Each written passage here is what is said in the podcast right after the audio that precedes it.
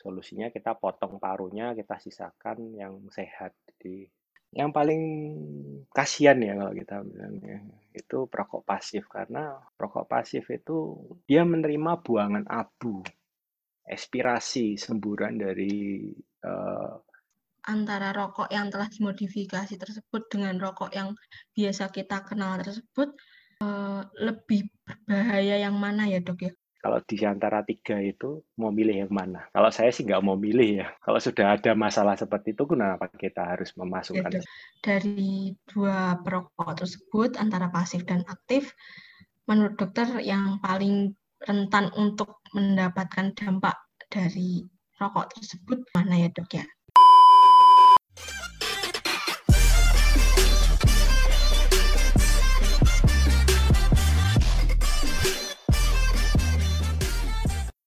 One, two. Welcome to podcast BMFK Unika. Informatif, edukatif, update terus. Oke, halo semua, apa kabar?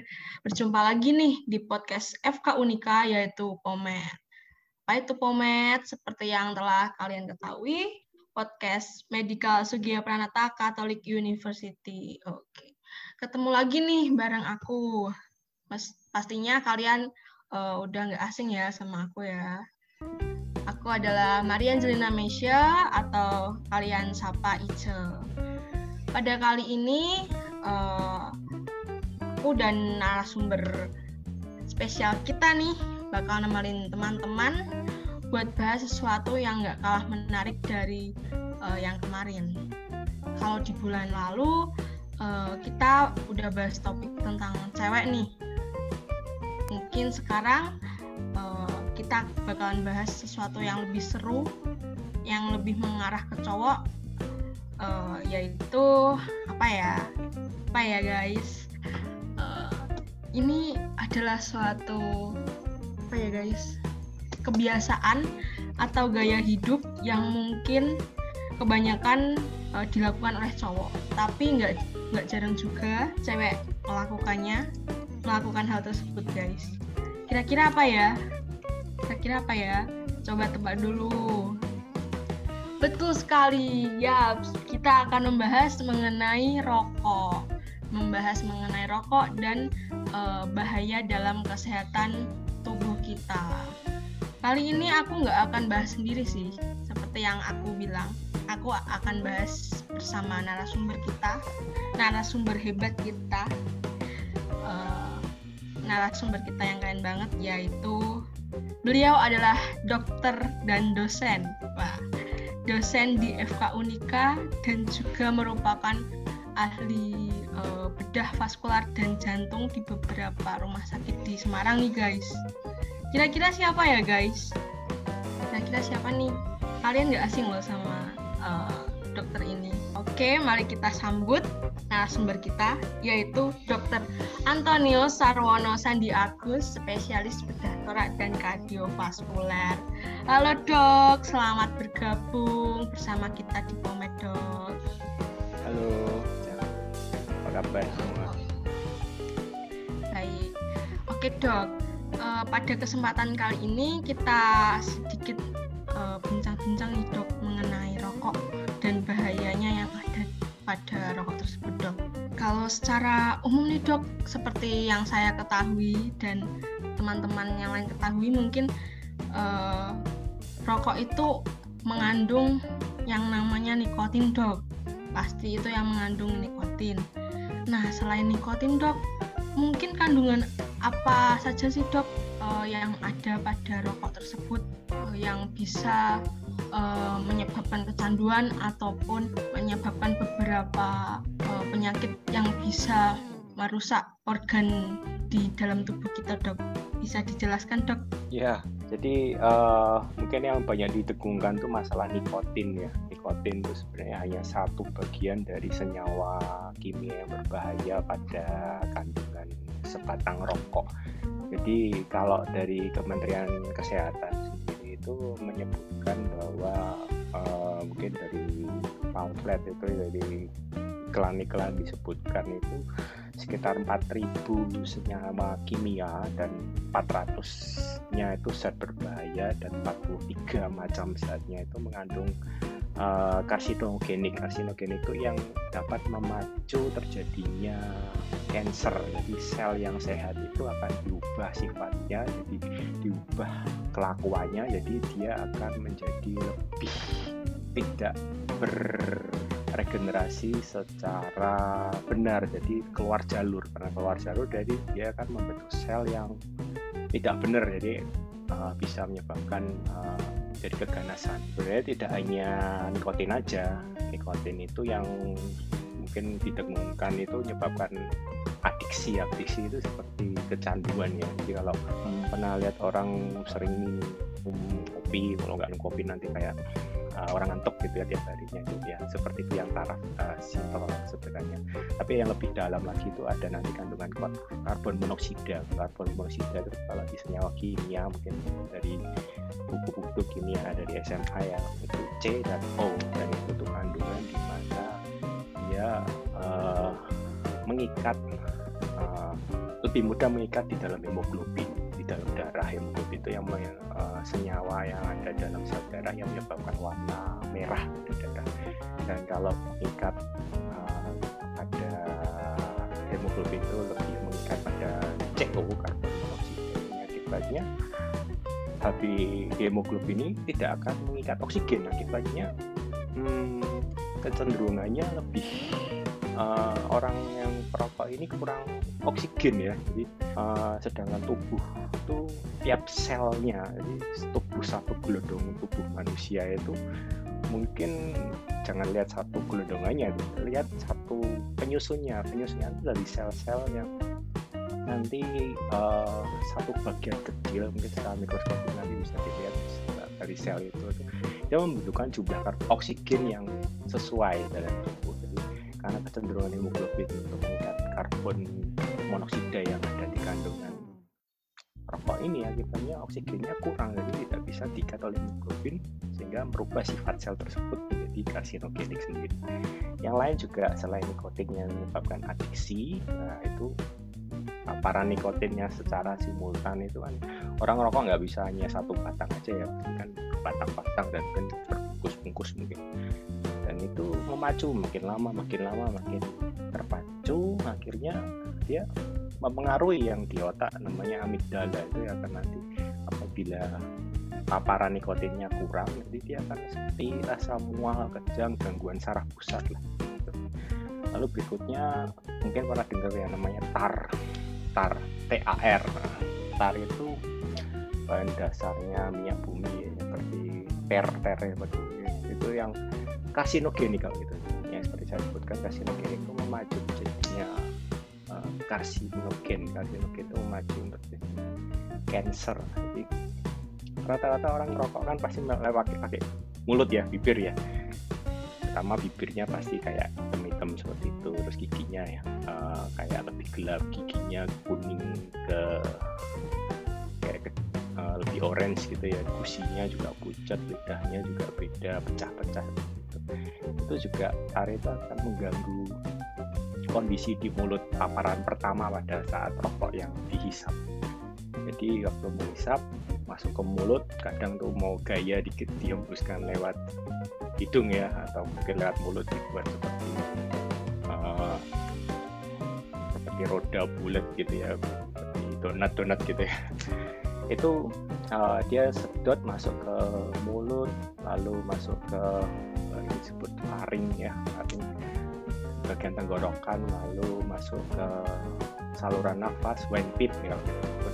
Jadi bagi rata antara paru kanan dan paru kiri dan di sana paru-paru itu mungkin kalau diurai lagi itu uh, ada sel-sel paru di mana bentuknya kalau kita bilang seperti gabus ya. Jadi uh, seperti saringan saringan motor saringan akuarium nah itu seperti itu. Jadi tar itu akan melengket lengket di antara sepanjang yang perjalanan asap rokok yang masuk di tubuh. Yang berbahaya seperti itu. Jadi mungkin ada benzen, formaldehid, arsenik, amonia banyak berbagai macam hal itu yang ada di dalam satu kandungan rokok satu linting rokok ya sambil jalan nanti kita jelaskan semua. Mungkin itu pengantar awal. Baik dok uh, jadinya di dalam rokok itu tidak hanya terkandung nikotin saja ya dok ya. Pasti ada uh, bahan-bahan yang, yang lain seperti tar terus bahan yang mengandung karsin yang uh, menyebabkan karsinogenik dok. Nah uh, rokok kan uh, terkenalnya meng, uh, meng, mengakibatkan kanker ya dok ya. Selain uh, hal tersebut dampak kesehatan yang lebih besar dari uh, rokok apa ya dok ya selain kanker? Mungkin atau mungkin uh, penyakit respirasi yang lainnya gitu dok. Boleh dijelaskan dok? Mungkin kalau lihat orang rokok gitu gitu mungkin masing-masing banyak ya, orang rokok. Mungkin kalau nggak usah ngeliat mungkin mungkin beberapa dari sini pernah merokok jadi uh, seperti tarik napas lah. Jadi kita uh, kita menyedot uh, rokok itu. Asapnya yang dengan filter yang nempel ke mulut sedot masuk ke mulut lalu masuk ke faring ke tenggorokan lalu masuk ke saluran nafas paru-paru kanan dan kiri asap itu kan sebenarnya panas ya. Panas itu kan sifatnya akan seperti menyebabkan peradangan kalau kita bilang. Kalau di istilah kedokteran mungkin tahu tanda radang ya tanda radang itu fisiologi ada lima. Jadi tumor tumor itu bengkak. Jadi gigit nyamuk pun juga namanya tumor ya. Rubor itu merah kalor itu panas dolor itu sakit fungsiolesa itu tidak berfungsi dengan semestinya akibatnya dari mungkin rokok disedot itu kan. Awalnya sih memang yang belum pernah merokok ujian kan batuk karena ada penolakan uh, mungkin melihat orang sudah biasa rokok nggak batuk ya. Mungkin karena sudah selnya itu sudah kayak kapalan ya kapalan kalau bahasa Jawa bilang sudah mengeras jadi tidak akan respon lagi. Jadi dari bibir gusi gigi tenggorokan semuanya akan terjadi peradangan dan sampai ke saluran nafas saluran nafas itu sendiri itu dalamnya itu saluran mukosa seperti mukosa mulut. Mukosa itu uh, licin-licin seperti dalam mulut ya. Jadi kalau dipegang itu seperti ada mukosa kecil uh, sudah masuk bagian mikro nanti ada squamous cell ya sel squamous itu yang memang memicu dari uh, melapisi dari lapisan dalam jadi uh, dari trakea ini loh, bilang pit uh, saluran nafas. Lalu kembali lagi setelah disedot itu kan namanya kita bernafas itu kan mengembangkan paru-paru terus mengempis parunya mengempis itu kan berarti udaranya yang karbon dioksidanya keluar jadi kita tarik nafas diisi oksigen dihembuskan karbon dioksida. Memang ada perbandingan sendiri tidak hanya murni 100% uh, kita masuk serat, uh, oksigen waktu kita ekspirasi mengeluarkan nafas itu. 100% karbon dioksida bukan tapi ada perbandingan 60-40% nah ini kita posisinya waktu kita inspirasi memasukkan nafas tarik nafas itu memasukkan asap rokok. Asap yang dimasukkan ke sana lagi kalau oksigen yang kita tarik ke nafas mungkin pernah tahu namanya tuh alveoli. Alveoli itu sel terkecil dari paru-paru. Mungkin kalau bisa saya gambarkan perandaiannya ya. Di kalau cari di internet sih banyak Google alveoli seperti apa. Nanti kayak bulir-bulir anggur. Jadi bulir-bulir anggur dimasukkan plastik. Lah di dalam plastik itu itu satu plastik itu satu buntelan plastik yang isinya anggur itu namanya paru-paru dan uh, dari anggur itu alveoli itu kalau dia uh, kita tarik nafas terjadi pertukaran oksigen dan karbon dioksida. Makanya terjadi ventilasi itu inspirasi ekspirasi lalu terjadi difusi. Difusi itu pertukaran oksigen dan karbon dioksida. Ya, dan terjadi perfusi oksigennya itu nanti diedarkan ke seluruh tubuh. Sel setiap sel-sel akan mendapatkan oksigen untuk metabolisme sel lebih baik dan berduplikasi karbon dioksidanya sisa metabolismenya akan dibuang lewat alveoli. Dan karena ada asap rokok yang masuk di dalam alveoli ini kembali lagi tanda radang yang terjadi tidak hanya di mulut tapi sampai ke titik alveoli. Akibatnya di lapisan alveolinya itu kayak buah anggur yang busuk. Jadi lama-lama kan pecah pecah pecah. Mungkin pernah lihat paru-parunya rusak putih-putih seperti itulah itu kalau di foto ronsennya mungkin pernah lihat foto ronsen foto X-ray torak foto X-ray dada. Nanti gambaran putih-putih titik-titik itu kelihatan jelas. Dan uh, apa dia apabila ada masalah di paru-paru kembali lagi tetangganya paru-paru apa? Jantung. Dan jantung itu akan memacu posisi jantung sisi kanan itu dia memompa darah ke paru-paru untuk uh, membersihkan paru lah darah kotor di sisi kanan pompakan ke arteri pulmonalis arteri paru yang sisi kanan. Tujuannya untuk membersihkan uh, dari aliran darah kotor itu lewat paru-paru dan kemudian dari paru-paru akan dibersihkan masuk ke sisi kiri jantung kiri dan diedarkan ke seluruh jantung yang tidak mendapatkan oksigen yang baik akibatnya kan akan terjadi defisit ya. Kayak orang kelaparan orang berpuasa. Orang berpuasa pasti ingat buka ya jadi kan untuk uh, berbuka untuk makan kembali tapi ini terjadi defisit terus lama-lama kekurangan kekurangan. Kalau kekurangan oksigen kembali lagi ke bagian kita di ilmu medis itu sel ada dua macam antara misalnya dia kekurangan oksigen atau kekurangan daya hidup pertama itu dia akan apoptosis apoptosis itu selnya akan mati kalau mati ya sudah kan banyak jaringan yang nekrosis atau mati tapi kalau yang satu lagi nih agak bahaya dia akan berubah sifat karena dia uh, kekurangan oksigen, akibatnya dia akan seperti beradaptasi dengan kekurangan oksigen itu dan dia akan menjadi sifat selnya akan berubah tidak sesuai jalur.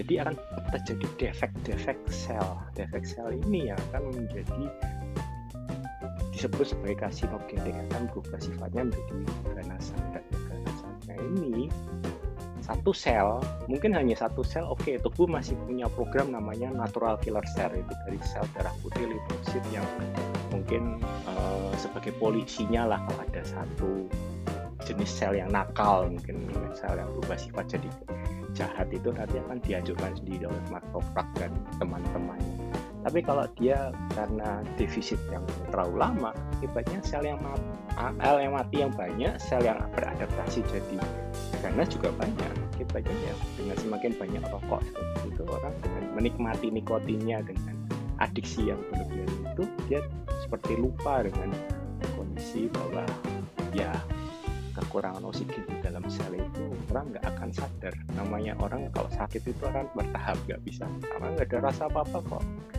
tahu tahu ada seperti itu. Ada begitu ada masalah biasanya itu karena sudah kronis ya kronis itu sudah penumpukan karena nggak disadari. Jadi efek nikotin itu yang mungkin ditemukan lebih berbahaya. Karena menyamarkan kondisi kekurangan oksigen karena dari rokok ini dan jantung kekurangan oksigen lama-lama kan dia melebar membesar dan terjadi kardiomiopati kardio besar otot api itu membesar tidak jelas penyebabnya ya. Penyebabnya karena sindrom ya sindrom dari paru-paru sirkulasi dan tubuh. Ya memang bagian saya ini bagian BTKV udah torak kardiak dan vaskuler. Torak itu memang bagian dada esofagus paru-paru dan saluran semua saluran nafas saluran cerna yang esofagus mungkin ya terus kardiak khusus jantung dan vaskuler vaskuler yang yang bagian kami itu yang bagian dari karotis sampai ke tangan dan kaki. Dan kembali kalau kekurangan oksigen itu tangan yang buat ngerokok itu nanti yang ada namanya mungkin bisa berkembang lagi namanya renal syndrome atau burger syndrome itu juga karena efek dari rokok itu nikotin menyebabkan penyempitan vasokonstriksi penyempitan pembuluh darah akibatnya uh, tartar yang nempel di tangan itu itu akan menyebabkan darah menyempit akibatnya ujung-ujung dari jari itu nggak dapat aliran. Akhirnya ya nekrosis nekrosis kematian jaringan. Jadi kayak kukunya depannya itu. Putih-putih sendiri nanti lama-lama lepas tangan itu. Kalau di kaki nah namanya kaki itu kan juga letaknya jauh dari jantung ya pompa itu kalau saya selalu informasikan uh, jantung jantung itu seperti pompa. Saya informasikan ke teman-teman itu tubuh manusia itu kayak rumah jadi jantungnya itu kayak pompa air ya mungkin bisa disebut sanyo atau sinisung mungkin mereknya. Nah, kalau pembuluh darahnya itu kayak peralon-peralonnya tuh pipa-pipa selangnya. Kalau pompanya bagus semburannya bagus alirannya sampai ke ujung mana pun oke tapi begitu ada kebutuhan yang lebih mendesak kan mungkin lebih ke otak atau ke jantung. Berarti kan mungkin orang takut atau kaget kan tangannya dingin kakinya dingin jadi vasokonstriksi penyempitan pembuluh darah. Saja mana pembuluh darah yang lebih utamakan mendapat aliran darah nah itu yang diutamakan. Jadi yang mungkin darah kaki atau tangan itu tidak terlalu dapat aliran saja menyempit karena sudah menyempit tambah lagi dengan efek rokok dan lain-lain. Gak hanya rokok ya nanti mungkin kita bahas untuk yang elektronik sigaret elektronik rokok itu juga. Itu lebih ganas juga kan? Bahaya juga. Nah mungkin sekilas. Oke dok. Jadi uh, dari rokok ini tidak hanya berakibat kanker dan lain sebagainya dok tetapi masih ada uh, dampak-dampak lain yang lebih banyak ya dok ya. Baik dok. Semakin berkembangnya zaman kan uh, rokok kan semakin dimodifikasi dok. Ada yang rokok elektrik yang bisa dicas dan atau ada baterainya terus dibuang dan lain sebagainya dok. Seperti yang biasa kita sebut vape, pot ataupun sisa itu dok. E, dari antara rokok yang telah dimodifikasi tersebut dengan rokok yang biasa kita kenal tersebut e, lebih berbahaya yang mana ya dok ya? Kalau kita boleh tahu nih orang awam kan biasanya taunya oh rokok biar e, asapnya tidak begitu banyak jadinya lebih aman daripada yang elektrik. Elektrik uh, asapnya ngebulnya uh, lebih banyak daripada yang rokok dan sebaliknya gitu dok. Biar kita tidak salah persepsi uh, dokter bisa menjelaskan dok antara dua rokok ini dok? Silahkan dok. Yang pasti sih rokok bahaya ya mungkin kalau sekitar kita ada yang kentut kan kita langsung tutup teling hidung ya. Nah ada kentut itu juga sebenarnya buangan dari orang sebenarnya. Kalau uh, dia kentut pun itu juga sehat lah karena aliran ususnya bagus. Jadi metabolisme yang di ususnya untuk pembuangan gas bau itu bagus juga. Nah sama kentut aja dia tutup hidung apalagi dengan yang sudah tahu ini permasalahan antara dia rokok elektrik atau rokok yang dengan uh, tembakau ya sama-sama sih kembali lagi itu lebih bahaya ya. Ini semua disesuaikan dengan kembali lagi kita nggak bisa fokus bahasanya seperti apa. Tapi kalau kita bahas di sisi medis semua itu berbahaya. Karena ya satu lagi kalau dihadapkan dengan politik ya cukai rokok itu lumayan memberi bisa negara juga. Uh, tembakau pun juga orang zaman dulu di gunungan dingin itu kan juga uh, panen tembakau di linding sendiri ya tinggi itu di Kudus itu ada rokok klopot itu juga ditambah uh, menyan juga ya itu asapnya tambah besar juga. Kembali lagi itu asap itu akan berbahaya kalau kita masukkan ke tubuh. Jadi yang perokoknya juga bermasalah orang sekitarnya yang sebagai perokok pasif juga bermasalah saya bisa uraikan karena perkembangan uh, rokok elektrik seperti ini. Dulu kita banyak terima pasien yang cancer paru uh, rokok tembakau ya. Dan memang solusinya kita potong parunya kita sisakan yang sehat jadi bagus. Jadi mungkin untuk uh, diagnosa awal itu ada grading stase untuk cancer paru itu lebih seawal mungkin kita dapat semakin lama survival hidupnya dari pasien. Tapi seiring perkembangan uh, kita sudah mulai menemukan pasien yang muda ya karena mungkin gaya atau gimana memakai rokok elektrik ternyata rokok elektrik ini ternyata lebih berbahaya jadi parunya memang putih dan kita setelah buka saya kadang menyesuaikan dengan kondisi pasien jadi uh, torakotomi jadi kita buka parunya jadi kita sisi samping kita buka uh, kita lihat kita raba awalnya sih saya hanya mengira ini mungkin dengan minimal invasif PATS FATS video asisten torakoskopi surgery dari torakoskopi dengan laparoskopi kecil saya masukkan ya. Coba lihat mau rencana biopsi mau ambil jaringan kenapa kok parunya dia sesak terus dan nggak bisa kita optimalkan yang fisioterapi dengan chest fisioterapi fisioterapi untuk paru-paru dengan pernapasannya setiap dia nafas kok saturasi nggak bisa sampai 90 ke atas. Dan usia muda uh, kita lakukan laparoskopi kok keras ya akhirnya saya buka. Saya torakotomi saya buka lebar. Tangan saya saya masukkan ke rongga dadanya. Saya raba benar-benar keras itu paru. Parunya benar-benar warnanya pink. Tidak seperti paru yang orang perokok. Tembakau ya yang ada tar dan lain-lain. Kalau rokok yang tembakau itu warnanya lebih hitam hitam hitam.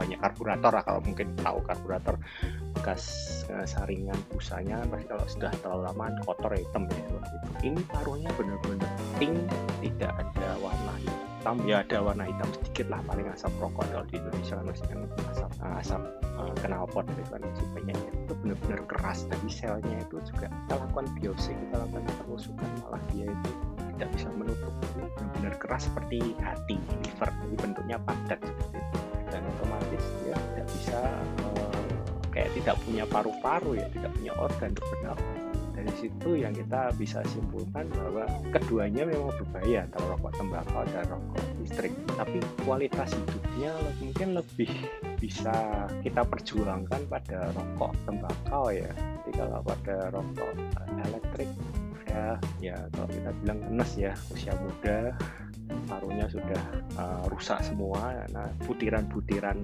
propilin glikol itu yang mengisi di cairan. Mungkin kalau rokok elektrik itu kan pakai cairan ya cairannya diisikan ke bagiannya itu terus ada campuran baterai dan dia sedot itu nanti ada asap.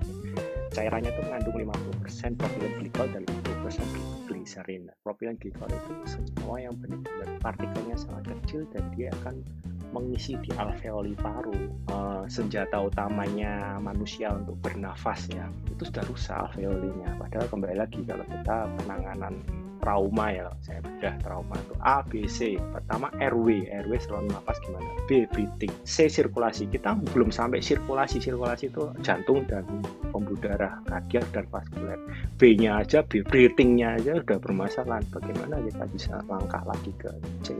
Sulit jadi uh, lebih berbahaya pada rokok elektrik dan rokok pasif perlu waspada juga karena asapnya yang ngepul itu kan juga kalau ada orang bakar-bakaran di sisi samping rumah gitu kan otomatis kan kita juga terganggu ya dengan asap bakarnya ya, dan abunya itu kan juga mengisi. Baik dok, berarti uh, dari rokok sebenarnya sama-sama berbahaya ya dok ya, tapi yeah. dari uh, antara rokok elektrik dan rokok yang biasa kita temui itu uh, lebih mendingan yang rokok dari tembakau asli ya dok ya karena yeah.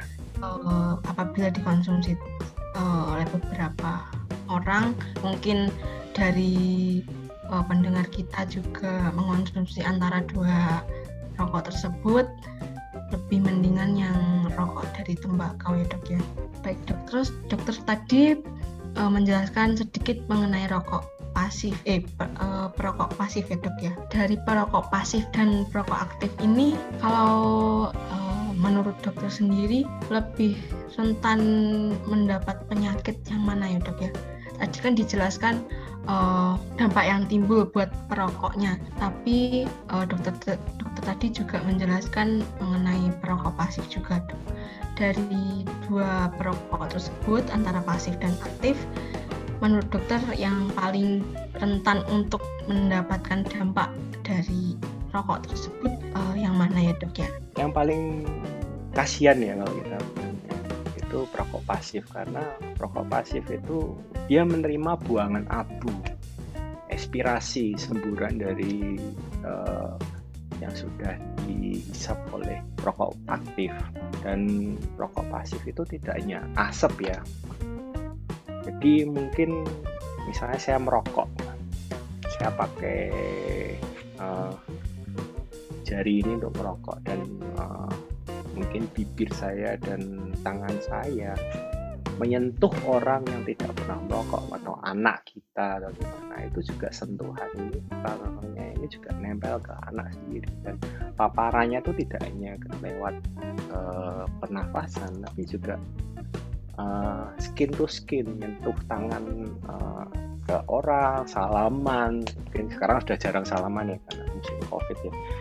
Itu juga akan memaparkan memacu uh, perkosif yang hanya menerima buangan tarnya itu akan lebih berbahaya karena rokok aktif otomatis kalau dia aktif merokok itu kan ada reaksi dari tubuh kembali lagi reaksi peradangan itu kan pasti ada ada kontra kontra backnya ya. Jadi kalau ada racun ada peradangan yang masuk otomatis kan imunitas tubuh manusia itu akan berusaha melawan untuk berusaha meredakan tanda radang menyebabkan bengkak dulu jadi terus akhirnya tenggorokannya agak sakit dan lain awal-awal orang perokok tapi yang perokok pasif dia seperti kayak disusupin dengan racun tapi dia nggak merasakan nikmatnya rokok dan dia tidak tahu bahwa uh, perlawanan dari tubuhnya imunitas tubuhnya itu nggak bisa membentuk seketika ketika itu juga. Jadi perokok aktif lebih mungkin lebih bisa bertahan ya daripada pasif. Karena aktif itu dia kan tubuhnya kan melawan dulu. Orang ngerokok udah bertahun-tahun tidak ada cancer tidak ada apa-apa. Nah itu memang kalau dia imunitas tubuhnya bagus kuat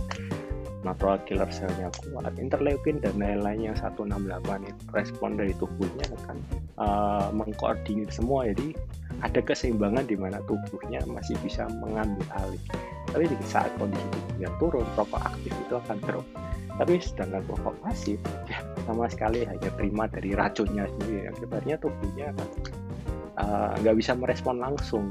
Baik dok, uh, ini uh, menarik sih dok. Tadi dokter menjelaskan bahwa ketika perokok kan ada beberapa racun yang menempel pada tangan perokok tersebut mungkin uh, ke keluarganya salaman dan lain sebagainya gitu dok.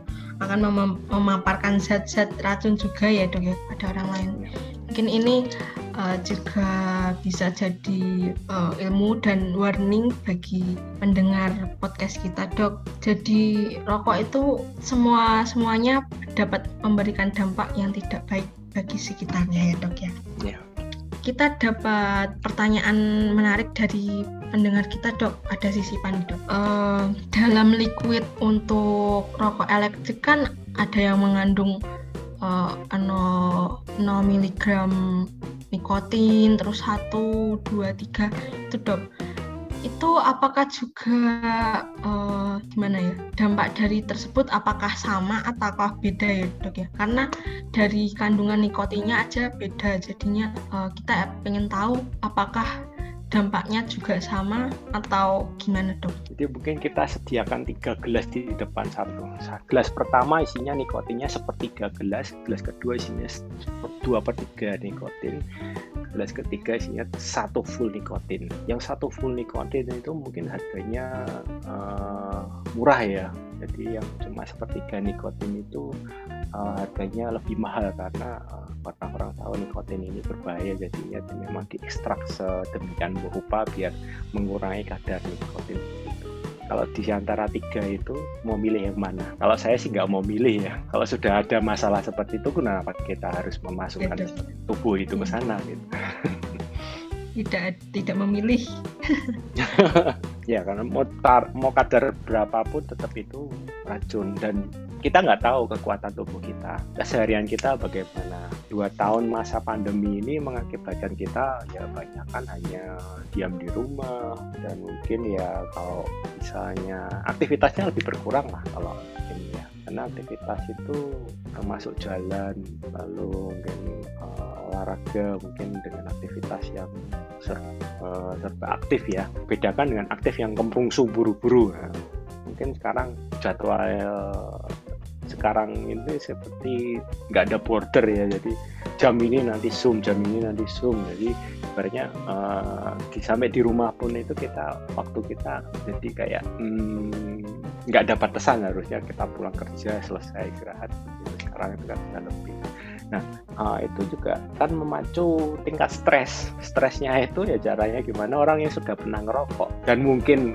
uh, beruntungnya mungkin berhenti, dia akan memacu kalau kita sebut ada bagian otak kita atau amigdala itu akan memacu untuk yang pernah ngerasain enak atau mungkin mau coba-coba mungkin ah ya namanya orang masih muda bagaimana mau coba-coba ya merokok dan lain-lain ya akibatnya dia akan terpapar dengan kondisi itu terus.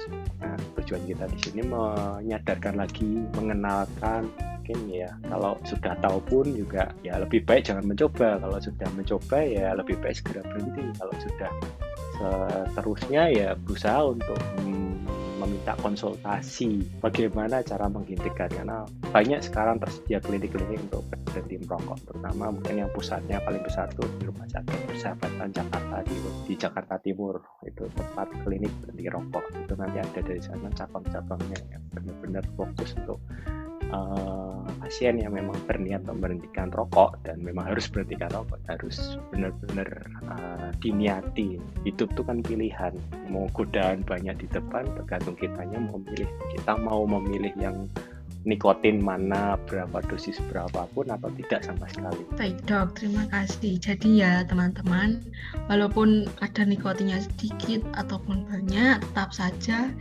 eh, dampak yang ditimbulkan zat-zat yang ada terkandung dalam rokok maupun liquid tersebut tetap saja berbahaya. Terus dok, eh, pada masa pandemi ini kan eh, masih ada beberapa orang yang merokok atau bahkan tambah tambah gencar merokoknya gitu dok. Dari orang yang uh, seperti itu apakah akan lebih beresiko terkena virus corona dok daripada yang tidak merokok gitu dok? Kembali lagi kita paparkan pada bahwa fakta ya. Orang yang sudah vaksin aja dua kali komplit aja bisa sampai kena lagi kan virus. Lagi yang tenaga medis juga yang sudah dua kali divaksin juga kepapar juga. Walaupun nggak seberat seperti awal tapi ya juga kembali lagi pertahanan tubuh kita lagi.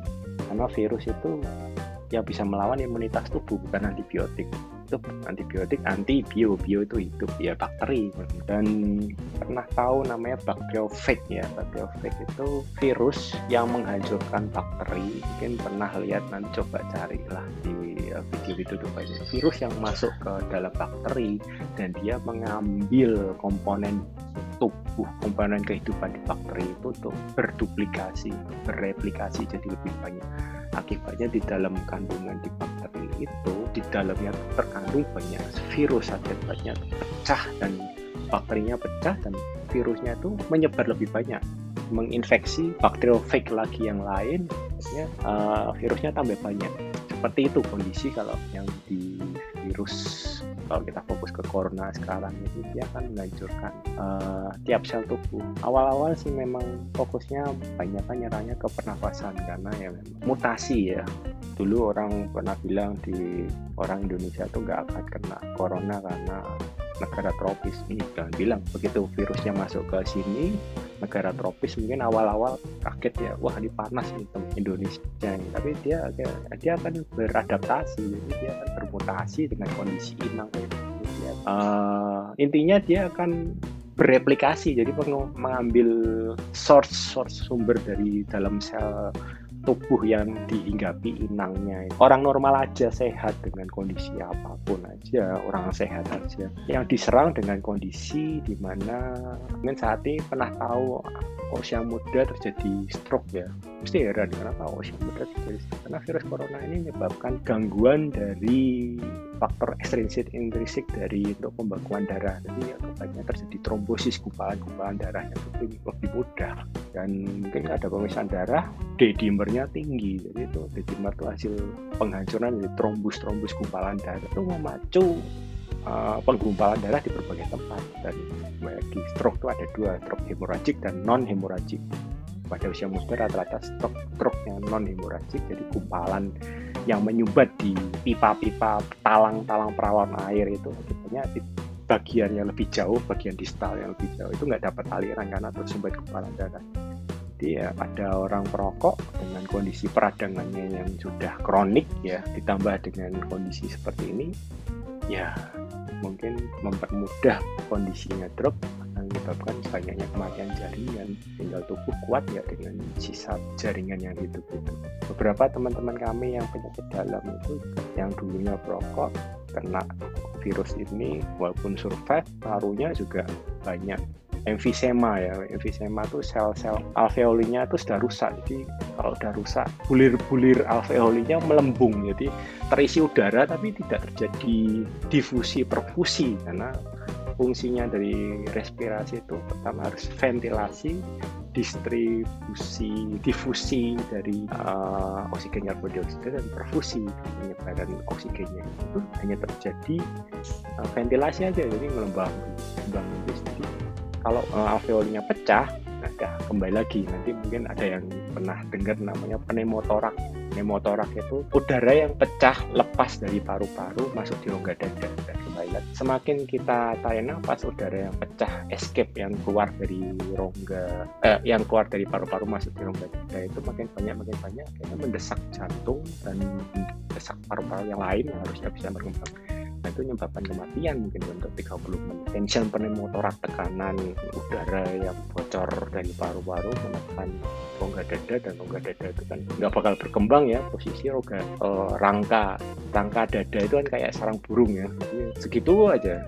Karena ada udara yang banyak ngumpul di dalam rongga dada akibatnya ya jantungnya kepuntir parunya berhenti jadi nggak bisa ngembang lagi karena kedesek dari paru yang bocor itu aja ya meninggal pasti dan itu lebih mudah dialami pada pasien perokok PPOK lah penyakit uh, paru obstruktif kronis. Baik dok, terima kasih untuk penjelasannya. Untuk pendengar podcast mungkin yang telah dijelaskan dokter tersebut, perokok itu lebih rentan terkena eh, penyakit-penyakit ya guys. Terkhususnya pada saat ini kita mengalami pandemi COVID, imun tubuh juga akan apabila kita merokok juga akan imun berkurang itu guys. Sehingga untuk keluarganya yang eh, merokok temannya saudaranya yang di mana ataupun pacarnya ataupun dirinya sendiri dihimbau untuk kalau bisa ya tidak merokok. Kalau udah merokok ya kurangi gitu guys baik dok lanjut ke mitos dan fakta nih dok waduh mitos dan fakta e, bener gak sih dok uh, tentang mitos ini. Teman-teman saya kebanyakan mempunyai slogan gini, nggak apa nggak apa-apa merokok asal rajin olahraga dan makan makanan yang sehat dan bergizi. Itu bagaimana ya dok ya? Kalau menurut pandangan dokter sendiri? Kembali lagi ya, dunia medis itu nggak bisa satu tambah satu dua ya. Jadi kalau disebut uh, mitos, sebenarnya juga itu fakta juga bisa juga. Jadi intinya ya bekali tubuh dengan imunitas yang baik dengan makanan yang bergizi. Dan kalau bisa menghindarkan dengan racun yang mau coba-coba dimasukkan tubuh kenapa tidak? Kembali lagi. Oke dok. Baik dok jadinya tetap saja ya teman-teman. Walaupun uh, kita membekali diri kita dengan rajin berolahraga makan makan yang sehat tetapi yang uh, apabila yang kita masukkan ke dalam tubuh kita uh, zat-zat yang berbahaya zat-zat racun seperti merokok dan lain-lain ya tetap saja uh, menimbun penyakit di dalam tubuh kita. Begitu. Dan ini dok ada mitos selanjutnya nih. Aduh banyak banyak banget ya mitosnya ya uh, untuk uh, mitos selanjutnya dok, rokok elektrik bisa membantu untuk memberhentikan rokok. Itu kan tadi sudah dijelaskan oleh dokter ya. Rokok elektrik maupun rokok yang dari tembakau itu sama-sama uh, berbahaya, mengandung zat-zat yang mungkin dapat merusak tubuh bagian dalam organ-organ kita bagian dalam. Jadinya hal tersebut tidak gimana ya dok ya ngomongnya. Dia naik level mungkin dari rokok tembakau naik ke jadi yeah, yeah. rokok elektrik tapi sebelum naik level dengan itu gimana harus dipahami bahwa tubuh itu seiring usia akan menua dan motor atau mobil sebagus apa pun suatu saat akan ke bengkel juga. Dan dengan perawatan yang bagus pun juga otomatis juga akan rusak juga. Kembali lagi tubuh ya tubuh itu dengan berbagai kompleksitas dengan uh, kalau wanita ada hormon-hormon yang bagus ya estrogen progesteron sebelum menopause itu melindungi tubuh. Baik. Beda dengan laki-laki yang paparan testosteronnya itu memang sifatnya merusak ya. Tapi yang memang uh, dengan testosteron itu otot jadi lebih kuat gede tapi gede di dalam jangan kaget.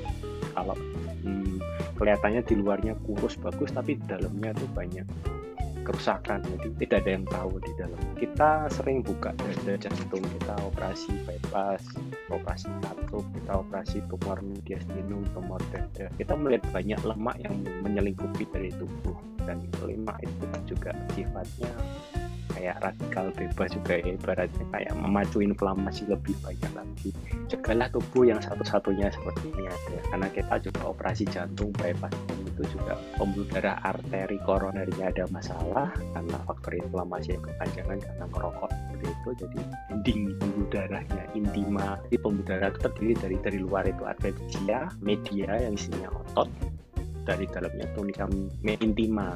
Karena ada peradangan itu misalnya tunika intima di bagian dalamnya dalaman dalam pipanya itu akan meradang ya terjadi kayak retakan kerusakan itu memacu sikatrik itu uh, ukurannya sedotannya ya kalau ukuran pipanya makin kecil lagi. Banyak apa yang kita lakukan? Awal sih memang dilakukan stand memasang ring. Tapi mau sejauh mana dengan stand dan ring pun juga harus punya pengencer suburi kita gunakan bypass bypass itu sebenarnya memberikan jembatan layang kita lakukan uh, penggantian pembuluh dan itu pun juga menggunakan tubuh pasien sendiri itu sendiri dengan mengambil pembuluh darah kaki yang biasa menimbulkan varies itu kita ambil pembuluh darahnya kita pasangkan kayak tambal sulam ya. Kita pindahkan ke jantung untuk melewati pembuluh darah yang rusak. Itu sudah kita lakukan bebas ya. Tadi uh, apa ya insaf ya, tapi malah mungkin naik level jadi rokok tembakau menjadi rokok elektrik ya kembali lagi.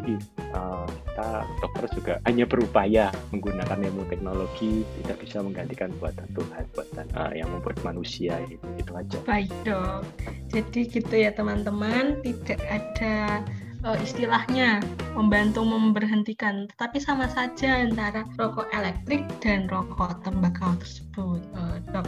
Terus ini ada mitos lagi dok, ya sekali ya dok mitosnya. Kemarin kan uh, saya memiliki kenalan dok yang uh, kurus, katanya karena sering merokok gitu jadinya kurus. Setelah dia berhenti uh, merokok, tidak merokok sama sekali, uh, badannya berangsur gemuk. Itu termasuk uh, mitos atau fakta ya dok ya?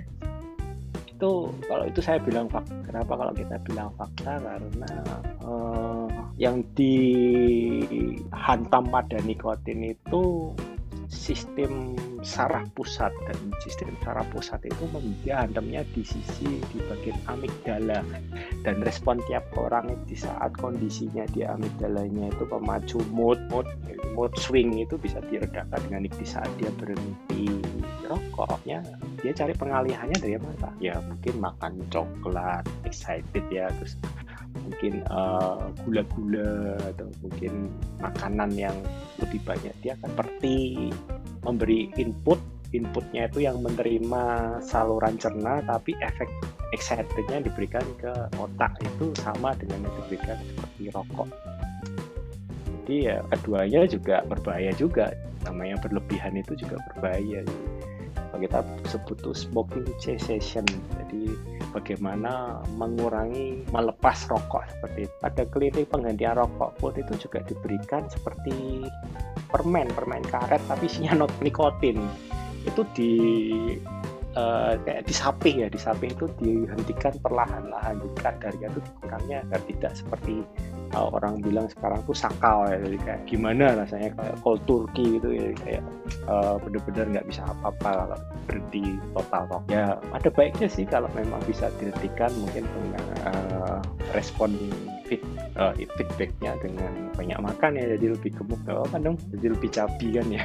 Itu uh, jadinya benar ya dok ya kalau orang bilang uh, gini aku nggak rokok tapi pelampiasanku ke makanan jadinya setelah mereka berhenti uh, mereka berangsur berangsur gemuk. Tetapi juga harus diperhatikan makanan makanan yang dikonsumsi tersebut dapat uh, apabila berlebihan juga dapat menyebabkan uh, beberapa penyakit juga ya dok ya. Baik ini ada pertanyaan terakhir dok dari uh, kami, dari pendengar juga. Teman pendengar kita ada yang perokok aktif dok. Dia sehari mungkin rokoknya lebih dari satu bungkus rokok dok. Wah, bisa dua sampai empat bungkus rokok dalam sehari. Seperti nah dok, pendengar ini meminta tips dan saran bagaimana cara menghentikan kecanduan tersebut dok. Uh, setiap kali dia ingin uh, berhenti dok ingin mengurangi gitu besoknya malah tambah uh, pengen lagi pengen lagi. Hari ini janji pada diri sendiri untuk satu bungkus saja malah besoknya uh, habis tiga bungkus gitu dok. Uh, itu gimana ya dok ya? Minta saran dok ini dok dari pendengar kita. Oke okay. sebenarnya kalau sudah terpapar terlalu banyak rokok itu juga sudah terjerumus terlalu dalam kalau saya bilang. Uh, banyak yang bilang ya udah kenapa berhenti? Gitu. Berhenti pun juga kamu sudah merusak badanmu mending langsung sekalian. Itu banyak. Uh, kita bicara fakta di sini. Kita aku orang bedah jadi uh, aku nggak debit dengan orang-orang seperti itu. Jadi mungkin kalau sudah stadium terminal uh, udah ketemu ada masalah ya saya bilang ya udahlah rokok lah. Mau pakai klopot sekalian mau mungkin pakai menyan sekalian nggak apa-apa. Itu kalau dia bisa membuat kualitas hidupnya dia uh, happy apa surprise mungkin saya di sini anti mainstream ya Uh, tapi kalau memang uh, masih ada keinginan niatan untuk uh, oke okay lah, aku masih punya tujuan hidup. Tujuan hidupku apa? Aku punya target apa yang harus aku capai dalam hidup. Tanamkan itu karena tanpa rokok pun juga kamu bisa lebih berkualitas, bisa Nah, kontrol diri itu yang terpenting kalau kamu tidak bisa mengontrol diri ya sama aja kamu tidak bisa menguasai diri sendiri ya kita pun ada ya disebutkan bahwa ya mau benteng kayak gimana pun sekuat apa pun tetap kontrol diri kita yang mengatur.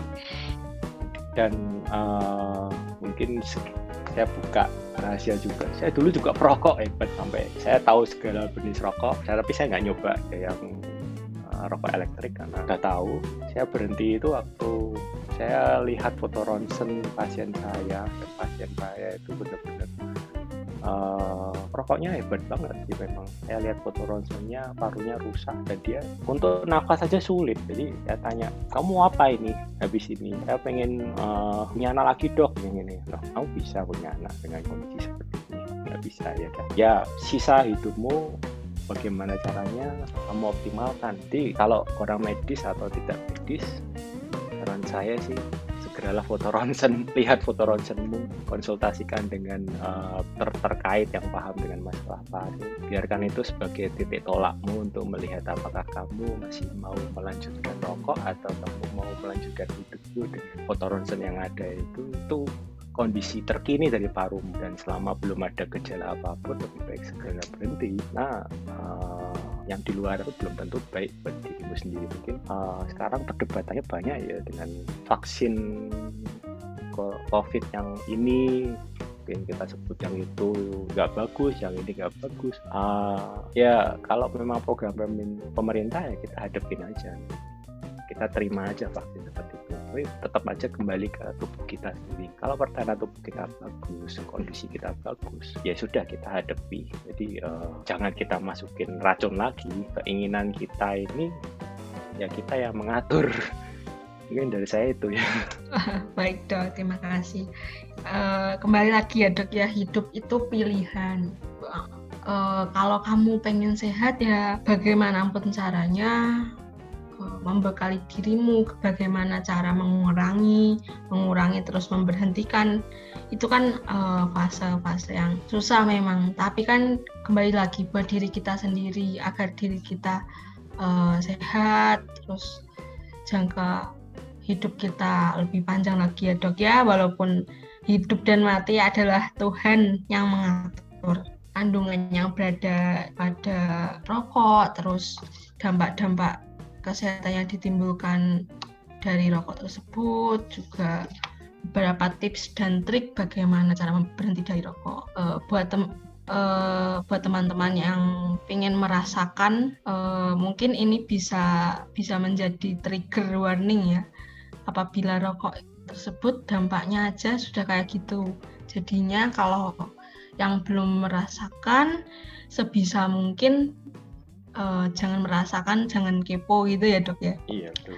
Dan masih banyak sekali dampak-dampak yang ditimbulkan dari rokok tersebut. Jadinya kalau yang ingin berhenti semangat, semoga bisa mengurangi dan bisa berhenti merokok untuk kesehatan kita yang lebih baik. Saya sebagai moderator dan teman-teman podcast BMFK berterima kasih banyak kepada dokter sudah memberi info dan pengetahuan yang belum kita ketahui juga ya dok ya. Kita di sini sama-sama belajar dan cari ilmu ya dok ya. Terima kasih banyak dok. Dan buat teman-teman para pendengar, sampai ketemu lagi di podcast selanjutnya. Jangan lupa buat tetap 3M, yaitu memakai masker, menjaga jarak, dan mencuci tangan. Saya Maria Angelina Meisha, pamit undur diri. Bye-bye.